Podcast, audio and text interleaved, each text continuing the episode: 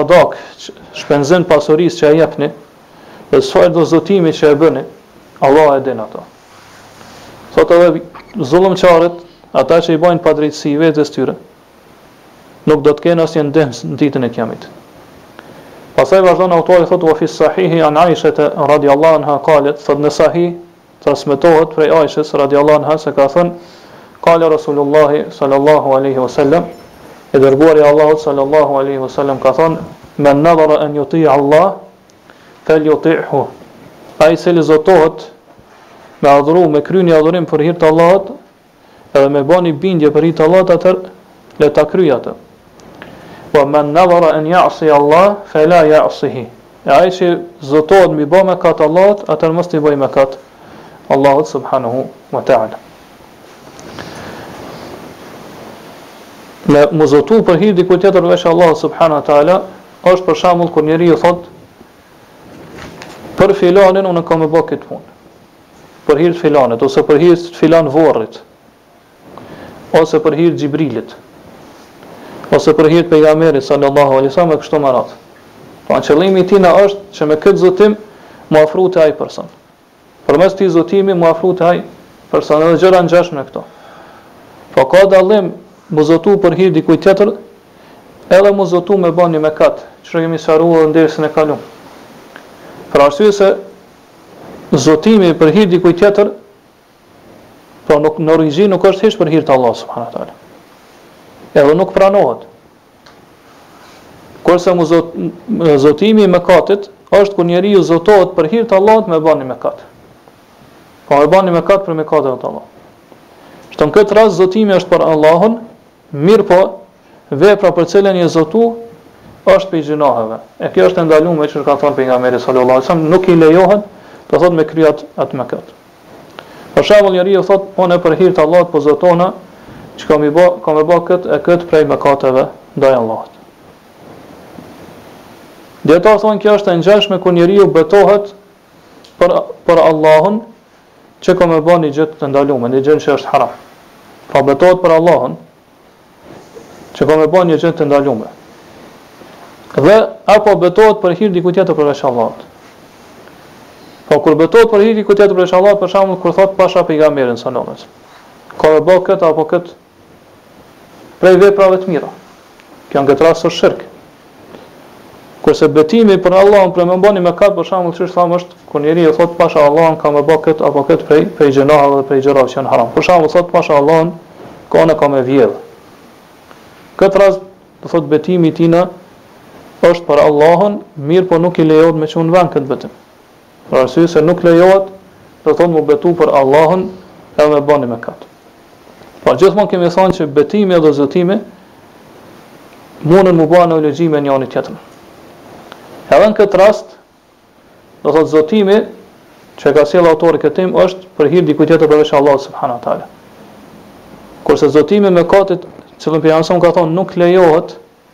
me çu në vend edhe nuk pranohet te Allahu është e vërtet nuk lejohet me me vepruat zotim është kur njeriu thot për hir të Allahut po zotona për hir të Allahut që kam me ba këtë punë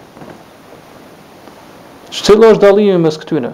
Dallimi mes këtyre është se zotimi i mëkatit, do thotë arabisht thotë jen'akid, pranohet te Allahu subhanahu teala. Mirëpo nuk lejohet me vepru. Pra nëse dikush thotë për hir të Allahut zotona që kam me ba ni mëkat, prej mëkateve, Për shembull, thotë unë kam interpil, ndërprej lidhjet farefisnore me të afërmit e mi. S'kam me vizitu ma vllanë tem hiq. Ose nanën e babën e kështu me radhë. Ose zotohet, këtu, kjo është haram me i ndërpre lidhjet farefisnore. Ose zotohet që kam me mbyt filanin. Pra mbytja e tjetrit është prej gjynaheve të mdhaja në islam.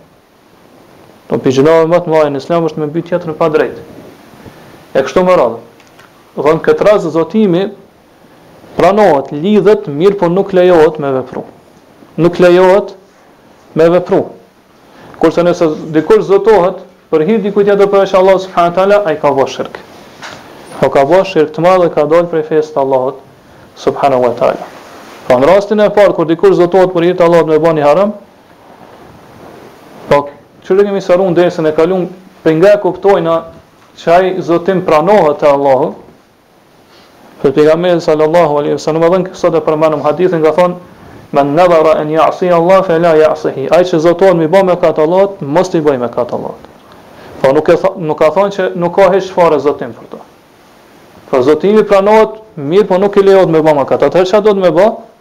Qysh e kemi sqaru, duhet me ba kefaret. Duhet me shpagu atë zot, atë zotim edhe kefareti apo shpagimi është sikur për njeriun kur e then betimin e tina. Po kur betohet për Allahun edhe nuk e çon n'vend betimin e tina. Kurse rasti i dytë është kur njeriu po zotohet për hir dikujt tjetër përveç Allahut, në këtë rast themi që ai ka bërë shirk, edhe ka dalë prej fesë së Allahut subhanahu wa taala, kështu që duhet me ba pendim te Allahu subhanahu wa taala dhe me u kthy edhe një herë me hi në Islam.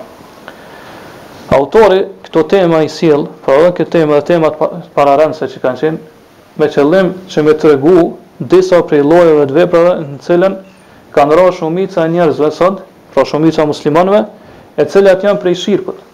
Autori ka për qëllim që me jau tërhek vërejtën, me i paralajmëru muslimanët që mos me i vepru këto gjëra. E prej tyre është, zotimi për hir dikujt tjetër përveç Allahut subhanahu wa taala. Për shembull, kur dikush zotohet për hir xhinëve, apo për hir të të evlijave, edhe burrave të mirë, të devotshëm që janë, apo për hir tyrbeve dhe teqeve, zotohet në emër tyne. Kjo është adhurim që i kushtohet dikujt tjetër përveç Allahut subhanahu wa taala dhe është shirk. Edhe kjo, do thot, ky zotim në këtë formë ndodh shpesh në umetin ton. Po në umetin ose në në mesin e atyre që i atribuohen Islamit. Dhe kjo ka ndodh, ka fillu, do të veprohet prej momentit kur Kanë fillu mu ndërtu tyrbet. Pra u bëshuan adhriha. Adhriha janë ndërtesa që ndërtohen mbi varre, te na quhen tyrbe. Po kur njerëzit kanë fillu me ndërtu mbi varre, shumica e njerëzve pastaj kanë fillu me ju drejtu këtyne varreve, me i lut ato edhe mu zotu në emër të tyne. Edhe. Shkaku pse kanë vepru kështu është për arsye se ata do thotë i kanë mashtru. Janë njerëz të padijshëm, janë njerëz injorant, injorantë edhe ata të cilët kujdesen për këto vende, ju kanë thënë atyre që në këto varre ka bereqet.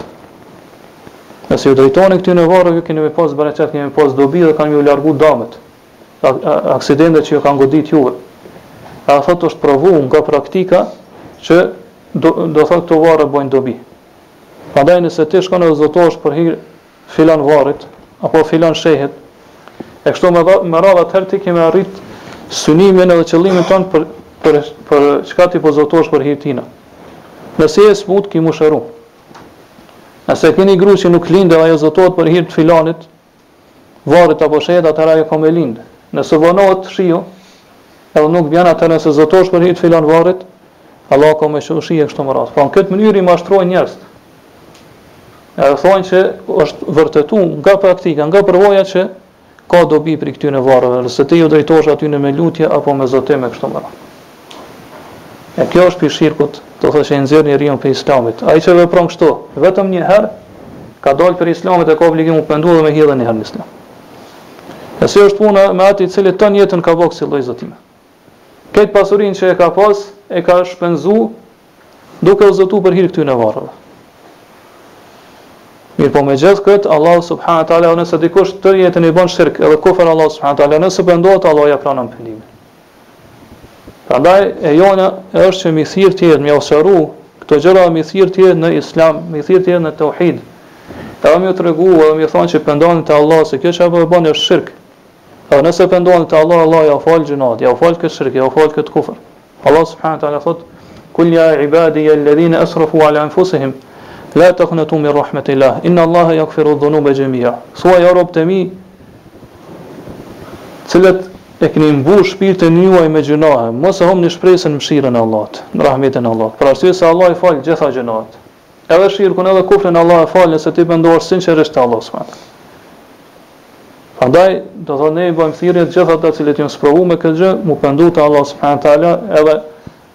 do thot me me me ndjek rrugën e pejgamberit sallallahu alaihi wasallam. Nganjëherë ndodh që këta njerëz i bëjnë këto zotime dhe Allah subhanahu taala si sprovë për ta, pra jau çon në vend pas zotimit për hir çkafit e kanë bërë. Pra qëllimin dhe synimin që e kanë pas pas atij zotimi Allah subhanahu taala e plotson. Po ndodh që Allah subhanahu taala i sprovon me këtë.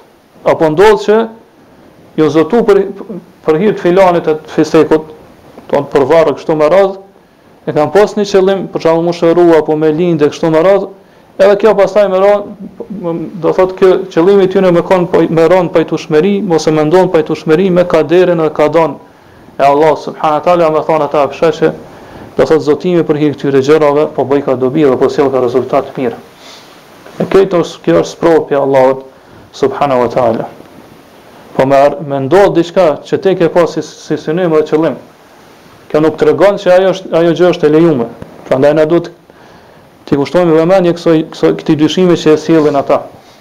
Për arsye se shumica e njerëzve janë shkatërru dhe kanë devijuar shkaku i saj. Pra thonë filan varri Është vërtetuar nga praktika edhe përvoja që ka dobi prej tij. Pra nëse njeriu shkon e zotohet tek te ai varr apo për të vdekurin që është aty apo therr kurban për to kështu me radhë atëherë arrin me realizu synimin dhe qëllimin e tij. Sepse kjo është vërtetuar dhe sjellin do thotë ngjarje pi të kalumes që filanit i ka ndodhur kështu filanit i ka ndodhur kështu dhe do thotë e ka arrit atë që ka pas për qëllim dhe synim duke u zotuar për hir të atij. Mirë, kjo nuk kjo nuk tregon që ajo është e lejuar. Por përkundrazi kjo është vetëm për sprovë prej Allahut subhanahu teala për këta njerëz. Këtë mënyrë do thotë shumica e zemrave të njerëzve injorante të padijshëm janë kanë devijuar janë mashtru. Madje edhe disa të cilët pretendojnë dije, apo pretendojnë që janë prej dietarëve. E Allah e pejgamberi sallallahu alaihi wasallam ka thënë inna ma khafu ala ummati al-a'immat al-mudhillin. Po unë friksohna Për umetin tem prej imamëve që janë devijus, pra që i devijojnë njerëzit, i humbin nga rruga e drejtë. Pra është këto që është e shumë të rrezikshme. Edhe do thotë janë shpeshtu shumë në umetin ton. Për arsye se do thotë ekzistojnë këta idhuj, cilët ata i quajnë tyrbe, apo arabisht adriha. E thonë tyrbja filanit, tyrbja filanit e kështu me radhë dhe fillojnë që me ja u kushtu atyne disa prej adhurimeve.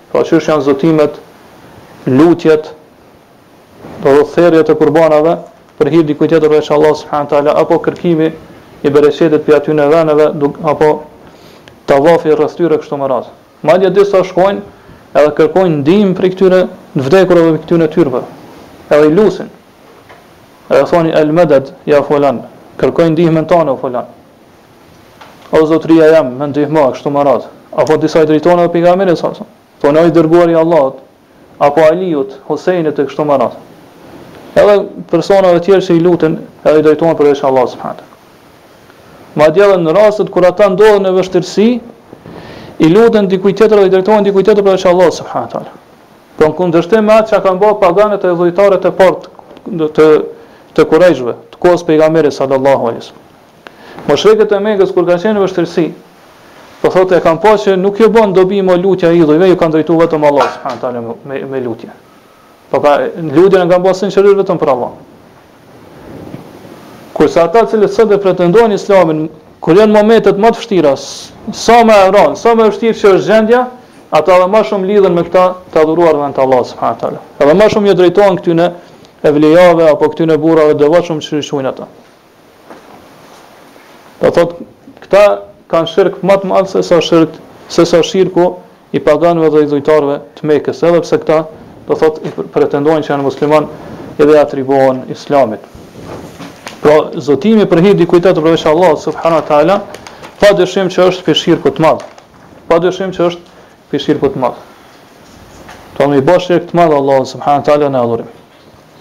Se kështu na kemi thënë në dersin e kalum kur kemi fol për këtë për, për zotimin kemi thënë që çka do thotë mu zotu, do thotë se njeriu me ja obligu vetes me imponu vetes, me detyru vetes një adhurim për hir të Allahut subhanahu wa taala.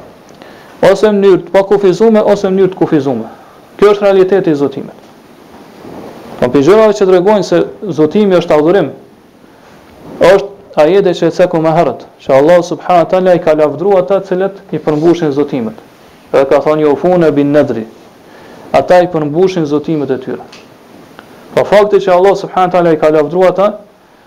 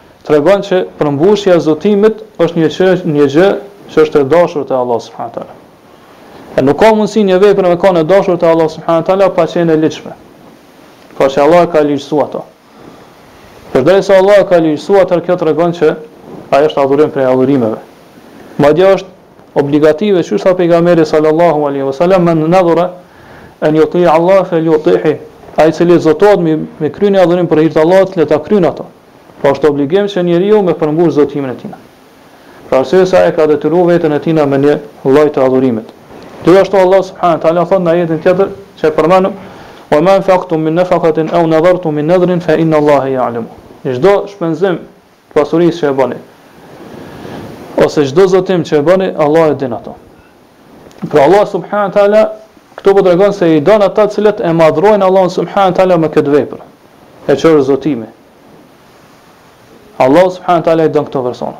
E kjo tregon që zotimi është adhurim prej adhurimeve. Prandaj ai i cili ja kushton këtë adhurim dikujt tjetër përveç Allahut subhanahu wa taala, ai u bë u bë pagan, u bë mushrik. Edhe ka dalë prej fesë së Allahut subhanahu wa taala. Këtu vjen ë dikush mund me sjell një pyetje këtu, që do thotë ne e kemi shpjegu në dersin e kalum që zotimi është mekruh, është e papëlqyeshme mu zotu. Madje disa disa dijetarë kanë mendimin që mu zotu është haram. Këtë mendim e ka dhe Shejhul Islami Ibn Tejmija gjithashtu e përkrah dhe Shejh Uthejmini, Allahu e mëshiroftë. Edhe kanë thënë që Vetë pejgamberi sallallahu alaihi wasallam ka ndalu. Ka thonë la tendhuru. Mos u zotoni. E kjo tregon që kjo është ndalume, është haram. Gjithashtu thonë që ti nëse ja obligon vetes tane një gjë, do thot, prej cilës ke konë i lirë, edhe ma vonë do thot, ndodhë që shpesh njeri ju,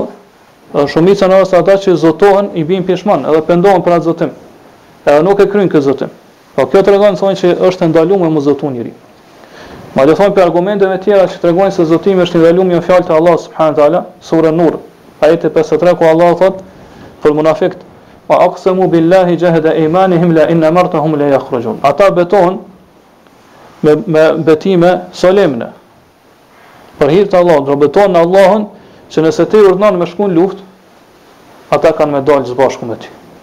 Po kjo është cilësia e munafikëve. Po Allah subhanahu wa taala këtu po tregon se ata e kanë detyruar veten, pra është një lloj zotimi që kanë bërë vetë, se nëse ti urdhënon, ata gjithsesi kanë me dalë në luftë, madje këta thotë e kanë konfirmuar edhe me betim. Po janë betuar në Allah, se nëse ti urdhënon, ata kanë me dalë. Pra në këtë mënyrë thotë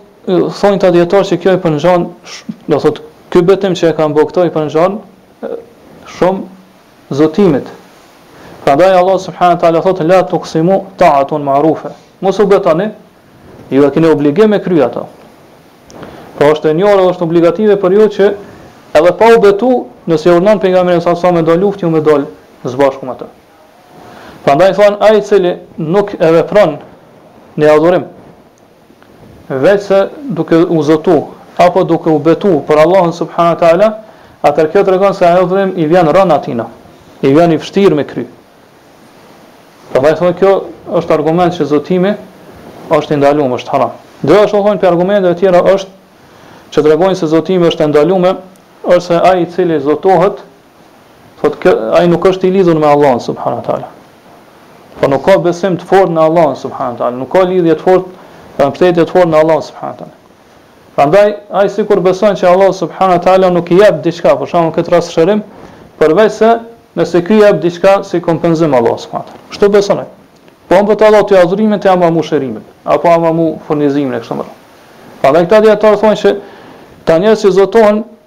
Zakonisht kur e humbin shpresën që kanë mu shëru për shembull prej një sëmundje, atëherë i kthehen edhe kërkojnë strehim te zotimi.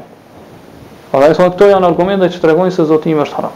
Sidoqoftë, pavarësisht a është i ndaluar apo vetëm është mekruh, siç është mendimi i dje, i pjesës tjetër të dijetarëve, madje pejgamberi sallallahu alaihi wasallam ka thonë innehu la yati bi khair, zotimi nuk sjell kurrfarë të mire, Atëherë si ka mundësi, pra këtu vjen në shprehje pyetja si ka mundësi që zotimi është e ndaluar apo është mekruh, kurse në njëjtën kohë me kanë adhurim që nuk i lejohet me kushtu dikujt tjetër përveç Allahut subhanahu wa taala. Përgjigja për këtë është se zotimi ndahet në dy lloje. Pra është zotimi i pakufizum edhe zotimi i kufizum. Po zotimi i pakufizum është kur njeriu thotë ja obligon vetes një adhurim për hir të Allahut. Thotë unë Për hir të Allahut kështu në mënyrë të pakufizum thotë kam me i fal dy rekate.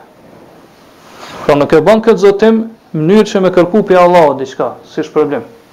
Pra që Allahu subhanahu wa taala pastaj me i dhan atij najdiçka në të ardhmen. Apo diçka që i ka ndodhur për shembull në një aksident apo një smundje Allahu me ia largu. Këtu nuk e bën pra në këtë mënyrë se si kompenzim prej Allahut subhanahu wa taala. Mirëpo thjesht e obligon veten me kry një adhurim për hir të Allahut. Për shembull naj namaz, naj agjërim e kështu me radhë. A kjo është kjo quhet en-nedhru el-mutlak, zotimi i pakufizum. Pra që njeriu me detyru vetën apo me obligu vetën me kry një, një adhurim, një ibadet për Allahun subhanahu wa ta'ala. E kjo nuk është ai zotimi të cilin e ka, nuk e ka pëlqy pejgamberi sallallahu alaihi wasallam apo prej cilit ka ndalu pejgamberi sallallahu alaihi wasallam. Mirëpo zotimin që pejgamberi sallallahu nuk e ka pëlqy dhe ka ndalu prej tina është zotimi i kufizum. Për cilën pejgamberi sallallahu alaihi wasallam ka thënë, nuk sjell kurrfarë hajri, kurrfarë të mire, inna ma yustakhraju bihi min al bakhil, mirëpo thjesht përmes zotimit nxirret prej diçka prej koprracit, nxirret diçka prej koprracit. Po cili është realiteti i zotimit të kufizum, ai është kur njeriu Po siç e shënuam edhe më herët, e obligon veten me kry një adhurim për hir të Allahut, mirëpo dëshiron prej Allahut subhanahu wa taala mi dhon diçka karshi kësajna. Pra Allah subhanahu taala me kriju diçka me bë kader, me bë kada diçka për hir të adhurimit që ai e kryen për hir të Allah subhanahu taala. Për shembull thot, nëse Allah më shëron mu apo e shëron të afërmin tem, e kështu me radhë, atëherë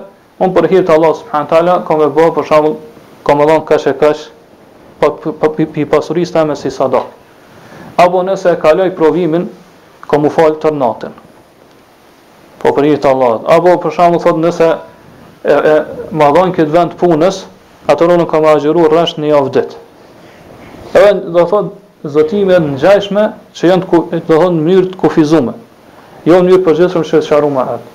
Po ky njeri në këtë mënyrë po e kushtëzon Allahun subhanahu wa taala. Edhe po në një farë mënyre po i thotë Allahut nëse ti m'jep mu, atëherë unë kam me kry një adhurim për ty. Nëse ti m'jep mu, kam me agjëru për ty ose kam m'u fal për ty, kam me dhonë sadaka, nëse më shëron mu e kështu me radhë. Pra thjesht kjo është me dhon për me marrë diçka. Pra me ba një vepër për me marrë diçka prej Allahut subhanahu wa taala. E kjo është ajo të cilën e ka përshkru pejgamberi sallallahu alaihi wasallam ka thonë inna ma yustakhraju bihi min al-bakhil. Po zotimi s'sjell kurrfarë hajri mirëpo përmes zotimit nxirret do thot diçka prej koprracit. Pra sipas koprracit këtu në hadith qëllimi është ai i cili nuk e bën një adhurim veçse duke ju shpaguar ai adhurim.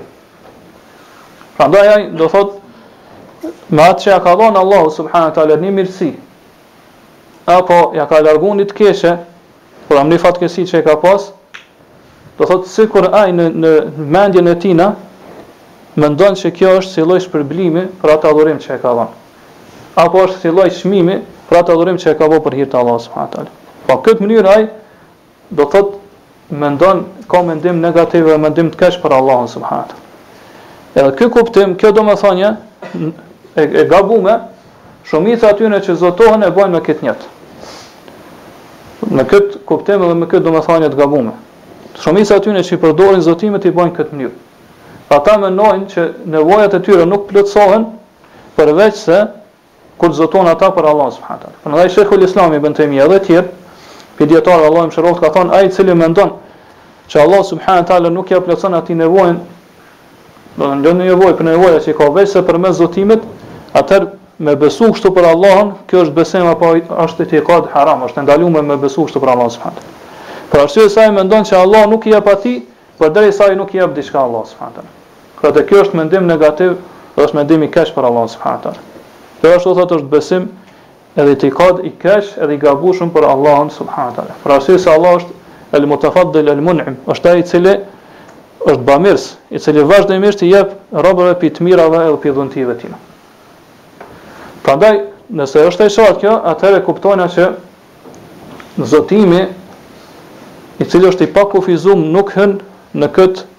papëlqyeshmëri apo në këtë ndalesë që e kanë përmend ulemat. Mirpo nëse themi ne që në mënyrë të përgjithshme që zotimi është adhurim, atëherë a hyn këtu Po në këtë përgjithësim a hyn edhe zotimi i kufizum apo jo? Po zotimi i, kuf, i, pa, i kufizum hyn edhe në këto, Mirëpo duhet me ditë që zotimi i kufizum i ka dy anë, dy aspekte. E para është që përmbushja e këtij zotimi. Pra nëse ti e ke obligu veten, je zotu për hir të Allahut me kry një adhurim, atëherë do thot duhet me çu në vend sa më herët edhe me përmbush këtë zotim. Kjo është njëra anë. Po ti përmes kësaj na adhuron Allahun subhanahu teala nga ky aspekt. Po këtë në këtë formë e adhuron Allahun subhanahu teala. Ana tjetër e zotimit të kufizum është ana e cila është e papëlqyeshme, edhe e cila është e ndërlidhur ngushtë me zotimin e kufizum. E ajo është forma e besimit ose mënyra e besimit që ndodh në zemrën e atij që zotohet. Do thotë jo origjina e zotimit si adhurim. Për arsye se në zotimin e kufizum, për shembull kur njeriu thotë nëse Allahu do thot po më jep mu kaq apo më shëron e kështu me radhë nëse Allah më jep sukses në këtë mënyrë atëherë unë zotohna për hir t'Allahut që kam me bë kështu kështu atëherë papëlqyeshmëria pra këraheti ose e, kjo papëlqyeshmëria ose ndalesa kësaj kthehet te ky kufizim nuk kthehet do thot në origjinën e zotimit pra zotimi në origjinë pra nëse vjen në mënyrë të pakufizuar me thon nuk është i papëlqyeshëm Mirëpo papëlqshmëria vjen kur njeriu kufizon këto dhe kushtëzon zotimin e tij. Pra fillimisht zotimi i kufizum është i papëlqyeshëm. Mirëpo përmbushja e tij na është adhurim dhe është obligim, do thotë të cilën e don Allahu subhanahu wa taala. Prandaj pejgamberi sa sa për për zotimin e kufizum po e shpjegon edhe po interpreton Pse është i papëlqishëm ose pse është i ndalum thot inna ma yustakhraju bihi min al-bakhil. Për arsye se përmes këtij zotimit nxirret diçka prej koprracit. Po kur e kuptojna këta, e kuptojna që nuk ka kurrfarë paqartësie, edhe nuk ka kurrfarë problemi në atë çfarë thamë më herët. Pra në atë që zotimi është adhurim prej adhurimeve madhore,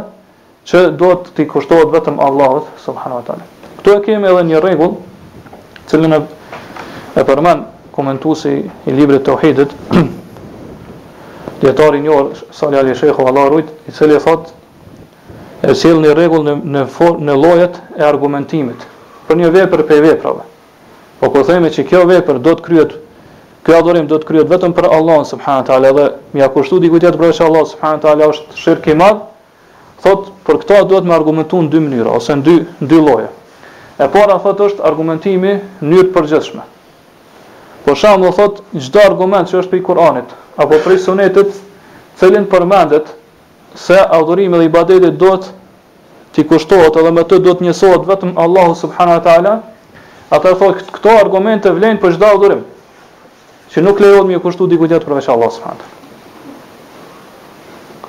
Pra thot në këtë mënyrë përmes këtyre argumenteve është lloji i parë i argumentimit. Edhe në këtë mënyrë thot ne argumentojmë që me u zotu për hir të dikujt tjetër përveç Allahut subhanahu wa taala është e ndaluar, madje është shirk i madh. Për arsye se thot argumenti tregon për obligueshmërinë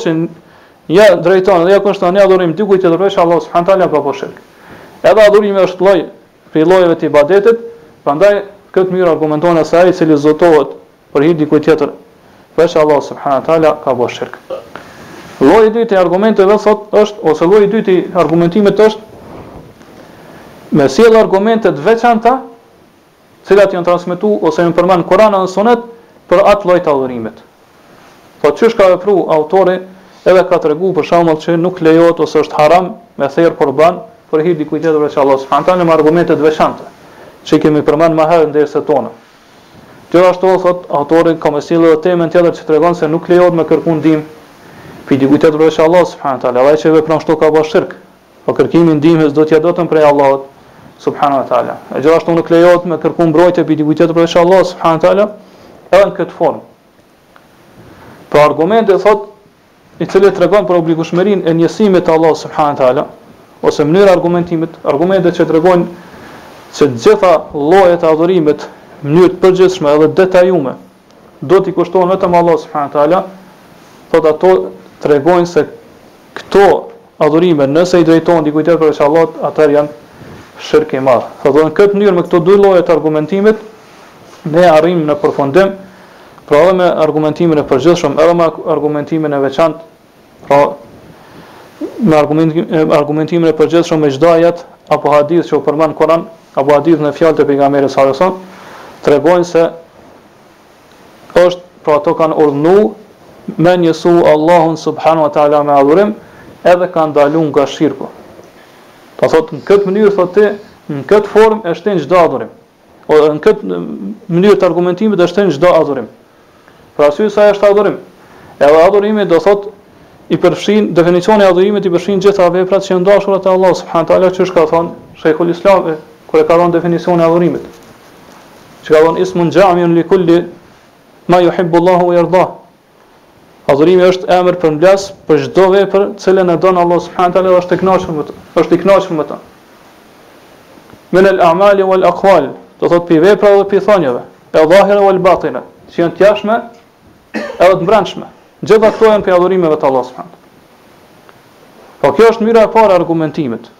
Po me argumentu në mënyrë të përgjithshme, do të thotë me ajete pi Kur'anit apo hadithe pi pejgamberit s.a.s. që tregojnë se çdo adhurim do t'i kushtohet vetëm Allahut subhanahu teala. Edhe nuk lejohet do të thotë me ju drejtu dikujt tjetër përveç tij. Nëse vepron kështu atëherë ke bërë shirk të madh dhe ke dalë prej Islamit.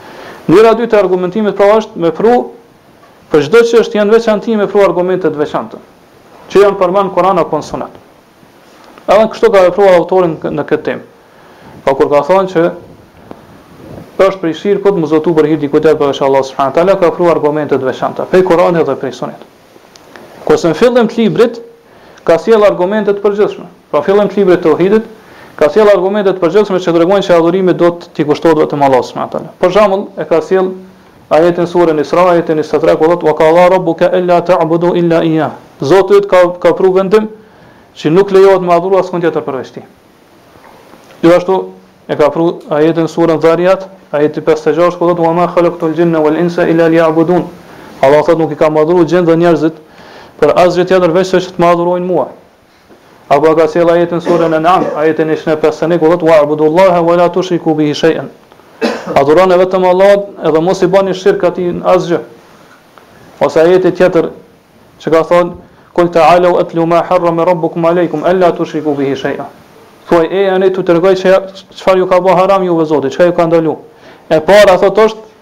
Që mos i bëni shirk atij në adhurim asgjë. Po këto argumente vlejnë të përdoren për për argumentimin e llojit të parë, i cili tregon se zotimin nëse ja kushton dikujt tjetër përveç Allahut subhanahu teala atëherë ke bërë shirk. Prandaj ne shlirë mund me thonë që zotimi është adhurim. Zotimi është prej adhurimeve. Prandaj nuk lejohet që këtë adhurim me ia kushtu dikujt tjetër përveç Allahut subhanahu teala. Ai që vepron kështu ka bërë shirk. Pse kështu? Për arsye se zotimi hyn brenda definicionit të adhurimit. Po është një gjë që e don Allahu subhanahu teala, atëherë hyn hyn brenda definicionit të adhurimit. Për arsye se Allahu i ka lavdëruar ata të cilët zotohen, të cilët i përmbushin zotimin. I ka lavdëruar ata të cilët i përmbushin zotimet e tyre. Por derisa është kështu, atëherë kjo hyn brenda definicionit të adhurimit, pra është një gjë me cilën e cilën e don edhe është i kënaqur Allahu subhanahu teala me të. Po argument, pastaj vjen argumenti i veçantë. Të cilën e ka sjellë edhe autori, që ne me me sjellë argumente të veçanta pi Kuranit apo pi Sunetit të Pejgamberit s.a.s. që tregojnë se zotimi duhet të jetë vetëm për hir të Allahut subhana teala. Për këtë arsye edhe autori fillim ka sjellë ajete të përgjithshme, pastaj për çdo temë ka sjellë ajete të veçanta. Edhe për temën e zotimit, që nuk lejohet me i kushtu dikujt tjetër përveç Allahut, ka sjellë do thot argumente të veçanta. Qysh i përmendëm në fillim në fillim të temës. Edhe kjo tregon atë fikun të kuptuarit të thellë edhe dijen e madhe të autorit, po se si, çfarë mënyre të mirë ka përpilu librin e tij. Pra në fillim ka sjellë argumente të përgjithshme, që tregojnë se adhurimet duhet t'i kushtohen vetëm Allahut edhe nuk lejohet me i bo shirk Allahut subhanahu wa taala në këto adhurime, dhe ai që ia kushton këto adhurime dikujt tjetër përveç Allahut subhanahu wa taala ka bo shirk, pastaj për çdo temë ka sjellë argumente të veçanta.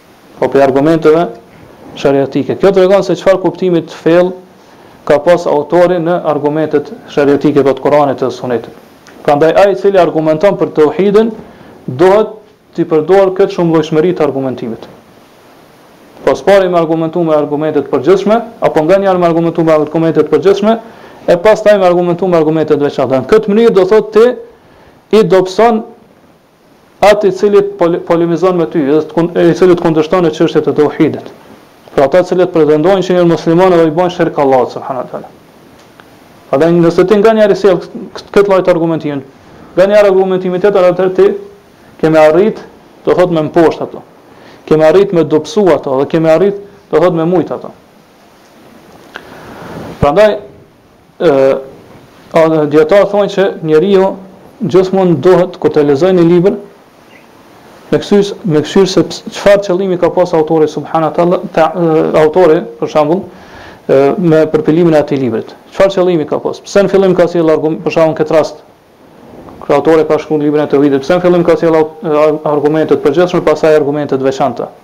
Po me ditë qëllimin e autorit. Në këtë mënyrë thotë, ai forcohet edhe merr, do thotë argumente të mjaftueshme që ai i cili e polemizon në në çështjet e Teuhidit, do thotë mos me arrit me mposht këto.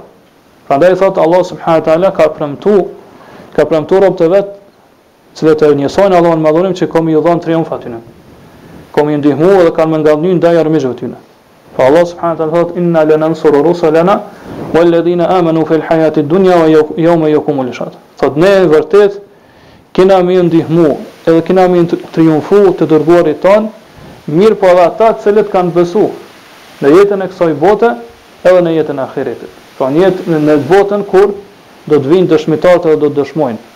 Kush ka qenë në të vërtetën e kush ka qenë në të kotën. Prandaj autori në librin e tij në tjetër Keshfu Shubuhat thotë, Një njeri i cili nuk ka dije, po njeri i rëndomtë, i thjeshtë, ai ka mundësi me arrit me mposht një mijë pi dijetarëve të mushrikëve. I vetëm, njeri që nuk ka shumë dije të madha, mirëpo ka arrit, do thotë me mësu meselet e teuhidit, ka arrit me mësu çështjet e teuhidit. Ai i ka marrë këto pi dijetarëve, Edhe ka e ka kuptuar mënyrën se si argumentojnë ata me argumente pi Kuranit dhe Sunetit. Po qysh e bajnë ata të qartë se çka është teuhidi dhe çka është shirku në këtë mënyrë, thotë ky njeri edhe pse nuk ka dije të madhe, mirëpo vetëm me i din argumentet edhe mënyrën se si me argumentu, i ka mësu këto pi dijetarëve thotë,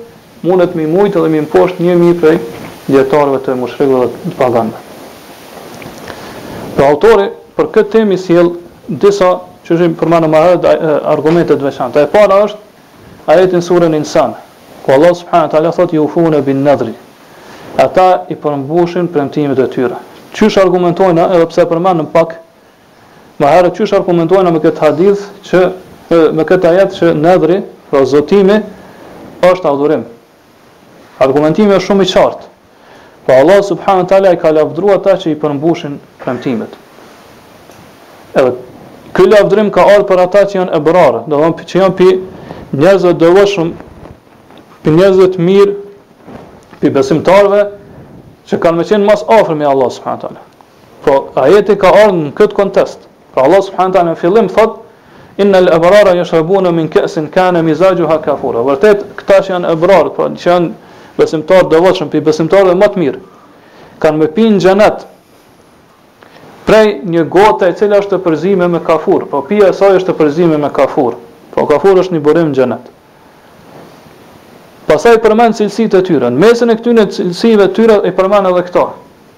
Pasi ata janë që i përmbushin betimet.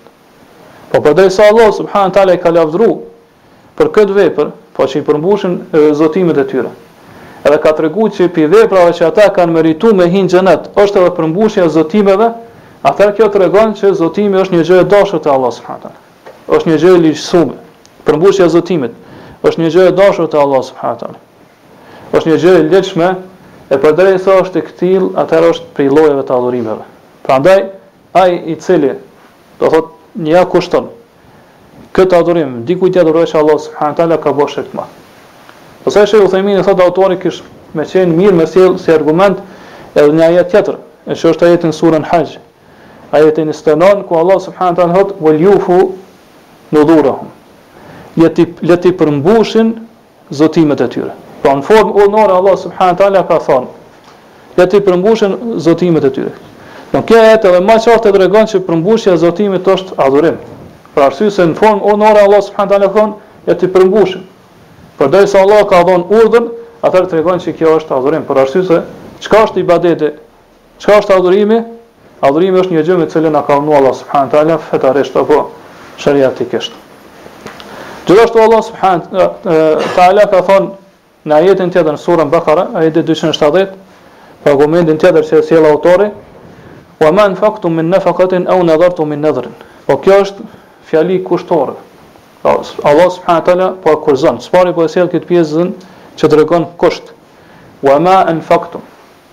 Pastaj e sjell foljen e kushtit, Çdo sadakë, çdo pasuri që e shpenzoni, au nadhartum min nadhrin, ose çdo zotim që e bëni, pra çdo çdo zotim që e bëni, pra që e përmbushni është fjala.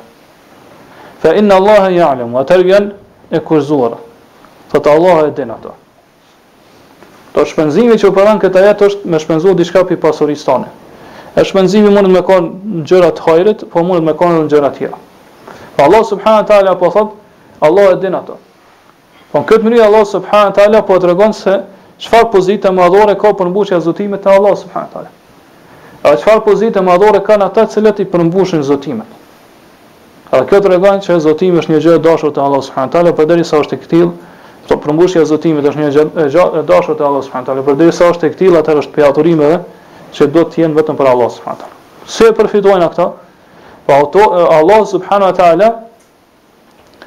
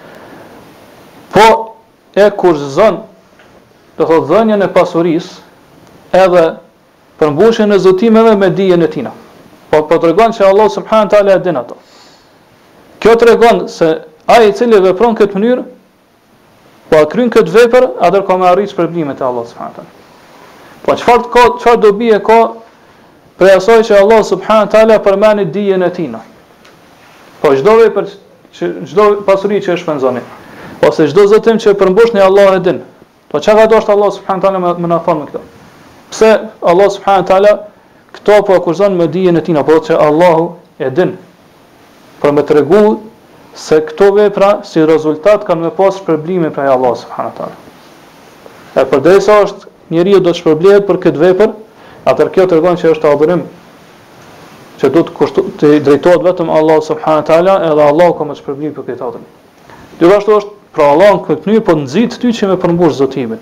Allah e din, do thotë Allah do të shpërblen për ta. E ke dhënë një, një pasuri për hir të Allah subhanahu teala, Allah ka me të shpërbly, se Allah e din që e ke dhënë për hir t'tina. E ke përmbush një zotim për hir të Allahut, Allah ka më të shpërblyj. Pra Allah po na nxit Që ashtu qysh do thot i dhojna pasuritë për hir të Allahut, ashtu do m'i përmbush edhe zotimet për hir të Allahut. Gjithashtu është edhe një mënyrë tjetër argumentimi me këtë ajet, që zotimi është prej adhurimeve, ajo është se Allah subhanahu wa taala e ka përmend bashkë me sadakën. Po me shpenzimin e pasurisë për hir të tij. Po shpenzimi i pasurisë për hir të Allahut subhanahu teala është është bindje apo adhurim ndaj Allahut. Edhe së bashku me të e ka përmend edhe zotimin. Atëherë kjo tregon se edhe zotimi është bindje që duhet të jetë vetëm për hir të Allahut, ai që do thotë ia drejton dikujt tjetër përveç Allahut, ka bërë shirk. Pastaj na po përfundojmë inshallah këtë temë që mos me na met n'gjysë, po përmendim edhe po shpjegojmë edhe hadithin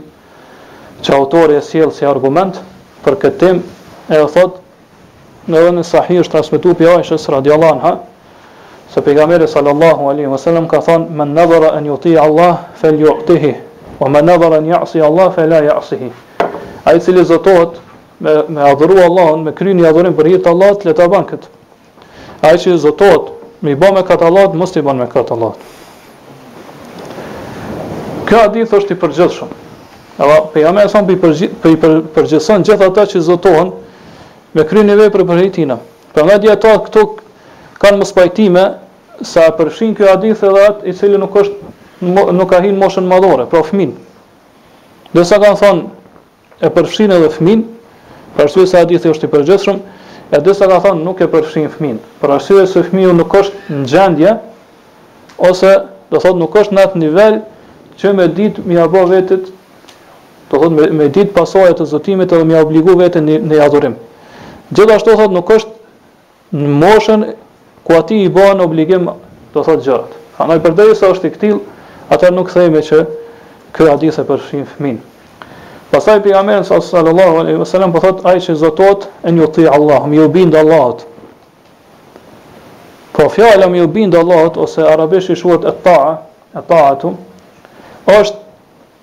Me vepru një punë, pra besimtari muslimani, në pajtueshmëri me urdhrin e Allahut, subhanahu wa taala. Po çka do thot me ju bind Allahut, subhanahu wa taala? Me ju bind Allahut është që Allahu, subhanahu wa taala, kur kërkon prej teje diçka, apo të urdhëron për diçka, atër ti me vepru atë vepër në përputhje me dëshirën e Allahut, subhanahu wa taala. Pra dhe në këtë kuptim, fjala ta, apo bindje, e përfshin edhe një gjë në të cilën të ka ndalu Allahu subhanahu wa taala. Po përderisa Allahu subhanahu wa taala të ka ndaluar prej një gjëje, edhe ti e kryen atë urdhër të Allahut subhanahu wa taala ashtu ashtu siç të ka ndaluar, atër ti ju ke bind Allahut subhanahu wa taala dhe ki me u shpërbly për këtë. Ki me u shpërbly për këtë. Prandaj ta, pra kur vjen e vetme kjo fjalë në kontekst, Pra në një kontekst e përfshin edhe kryerjen e urdhrave edhe braktisjen e ndalesave. Se kjo kjo është kjo është bindje ndaj Allahut subhanahu wa taala. Prandaj kur po thotë auto pejgamberi sa sa që ai i cili zotohet me u bind Allahut subhanahu wa taala, le të bindet Allahut, i përfshin të dyja këto.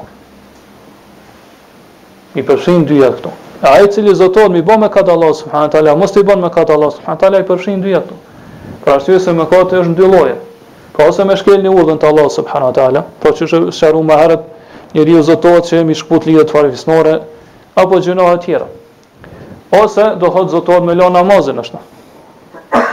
Do në këtë rast, në këtë rast e ka bënë gjynah e kështu me radhë. Do këtë ta i përfshin këto këto dy gjëra. Mirëpo, nëse brenda kontekstit përdoret shprehja ta edhe masije. Do të bindje edhe mëkat, atër qëllimi me me ta është me, me kry urdhrat e Allahut subhanahu taala, me kry urdhrat e Allahut subhanahu taala, kurse me mëkat është Kur njeriu i kryen ndalesat apo i shkel e ndalon Allahu subhanahu wa taala për diçka dhe ai nuk i bindet Allahut edhe e bën atë at mëkat. Si argumentojmë me këtë hadith për atë që e thamë më herët. Pra që zotimi është prej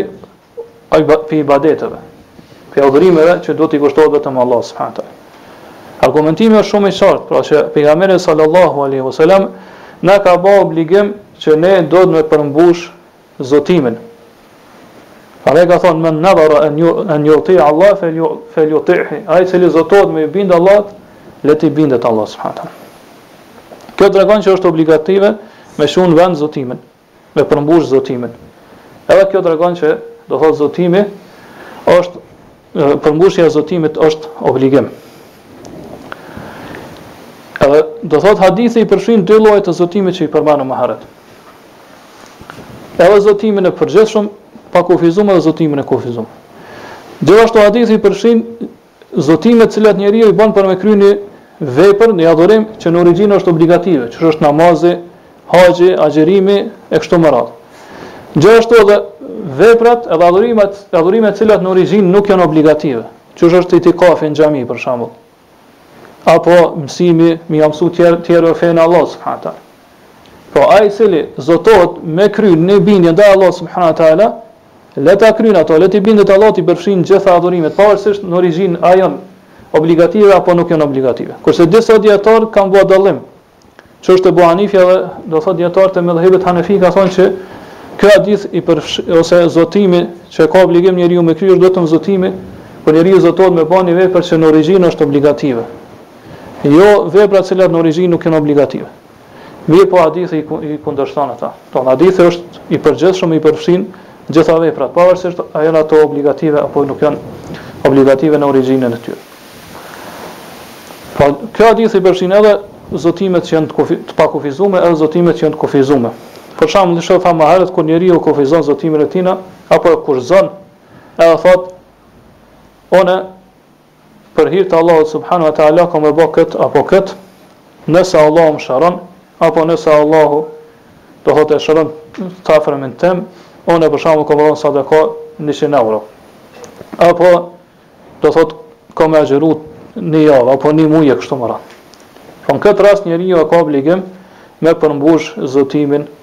e tina. Edhe vetë fakti që pejgamberi salem e ka bë obligative kët tregon se kjo është një adhurim që është i dashur te Allahu subhanahu wa taala për për arsye se gjitha gjërat që janë obligative janë prej llojeve të adhurimeve edhe janë të dashur te Allahu subhanahu wa taala. Gjithashtu do thotë argumentimi tjetër është se çdo gjë që është mjet, rrugë që çon deri te adhurimi, edhe ajo është do thotë adhurim. Pra, mjeti ose rruga në përmbushjen e zotimit është vetë zotimi. Po na thamë që përmbushja e zotimit është obligim që duhet të kryhet për hir të Allahut subhanahu wa taala, atëherë kjo tregon që edhe zotimi është adhurim, për arsye se është mjet, është rrugë që çon deri te përmbushja e zotimit. Si sikur mos të kish qenë zotimi, atër si rezultat nuk kish ardhë as përmbushja e tina. Pra dhe në këtë rast, themi që përmbushja e zotimit është obligative, atër edhe vetë zotimi është, do të thotë adhurim prej adhurimeve që duhet t'i kushtohen vetëm Allahut subhanahu wa taala. Pastaj sa i përket ndalesës që pejgamberi sallallahu alaihi wasallam e ka ndalu që njeriu me përmbush zotimin kur zotohet për diçka që është mëkat, që është haram, Për këtë pra tregon vazhdimi i hadithit, thotë pejgamberi sallallahu alaihi wasallam, "We men nadhara an ya'si Allah fa la ya'sihi." Ai i cili zotohet me i bë mëkat Allahut, mos t'i bën mëkat Allahut. Për arsye se nuk ka mundësi që njeriu do thotë me ia bo obligim vetes, me detyrë veten me kry një adhurim, një mëkat ndaj Allahut subhanahu teala, kurse Allah e ka ndaluar për këtë. Pi këtij mëkati. Po kjo e kundërshton ndalesën e Allahut subhanahu wa taala. Atëherë, për këtë arsye pejgamberi sallallahu alaihi wasallam ka thënë që mos ta kryj ose mos ta veproj këtë mëkat. Kurse e sqaruam edhe më herët që njeriu i cili zotohet me bani mëkat, zotimi i tij na lidhet, do të shkon në vend. Shkon në vend. Çka kuptojna prej kësaj ne? Kuptojna që ai nuk i lejohet me kry at mëkat, mirëpo, çka me bo, do thotë, qysh mu liru pi këtij zotimi, atëherë mendimi ma i sakti i dijetarëve është që ai duhet me bo kefaret, që e kemi sqaru në dersin e kalum, duhet me bo shpagimin, qysh është shpagimi për betimin, ai i cili e then betimin edhe besën që e ka dhon Allahut, subhanahu wa taala. Po pejgamberi sallallahu alaihi wasallam këtu po e ndalon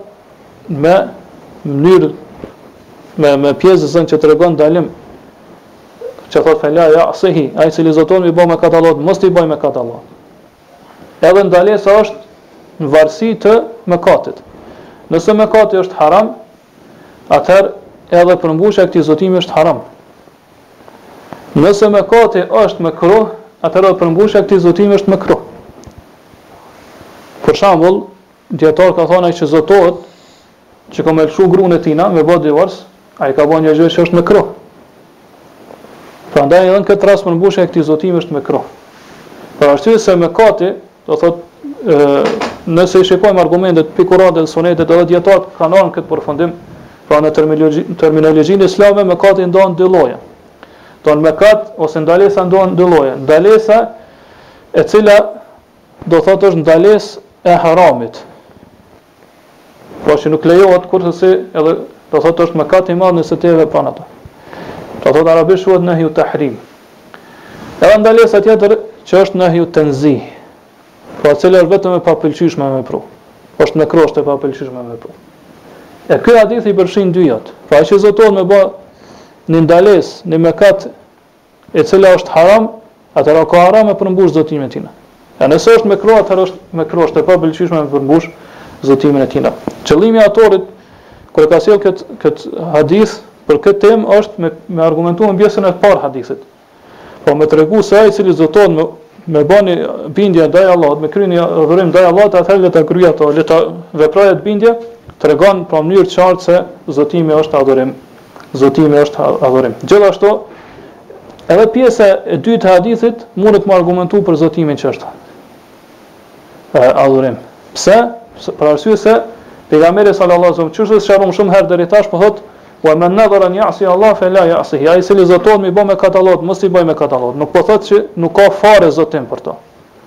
Mirëpo po tregon që zotimi, do thotë lidhet, zotimi mbetet në përgjegjësinë e këtij personi, mirëpo ai nuk i lejohet me i bë mëkat Allahut. Çka bën?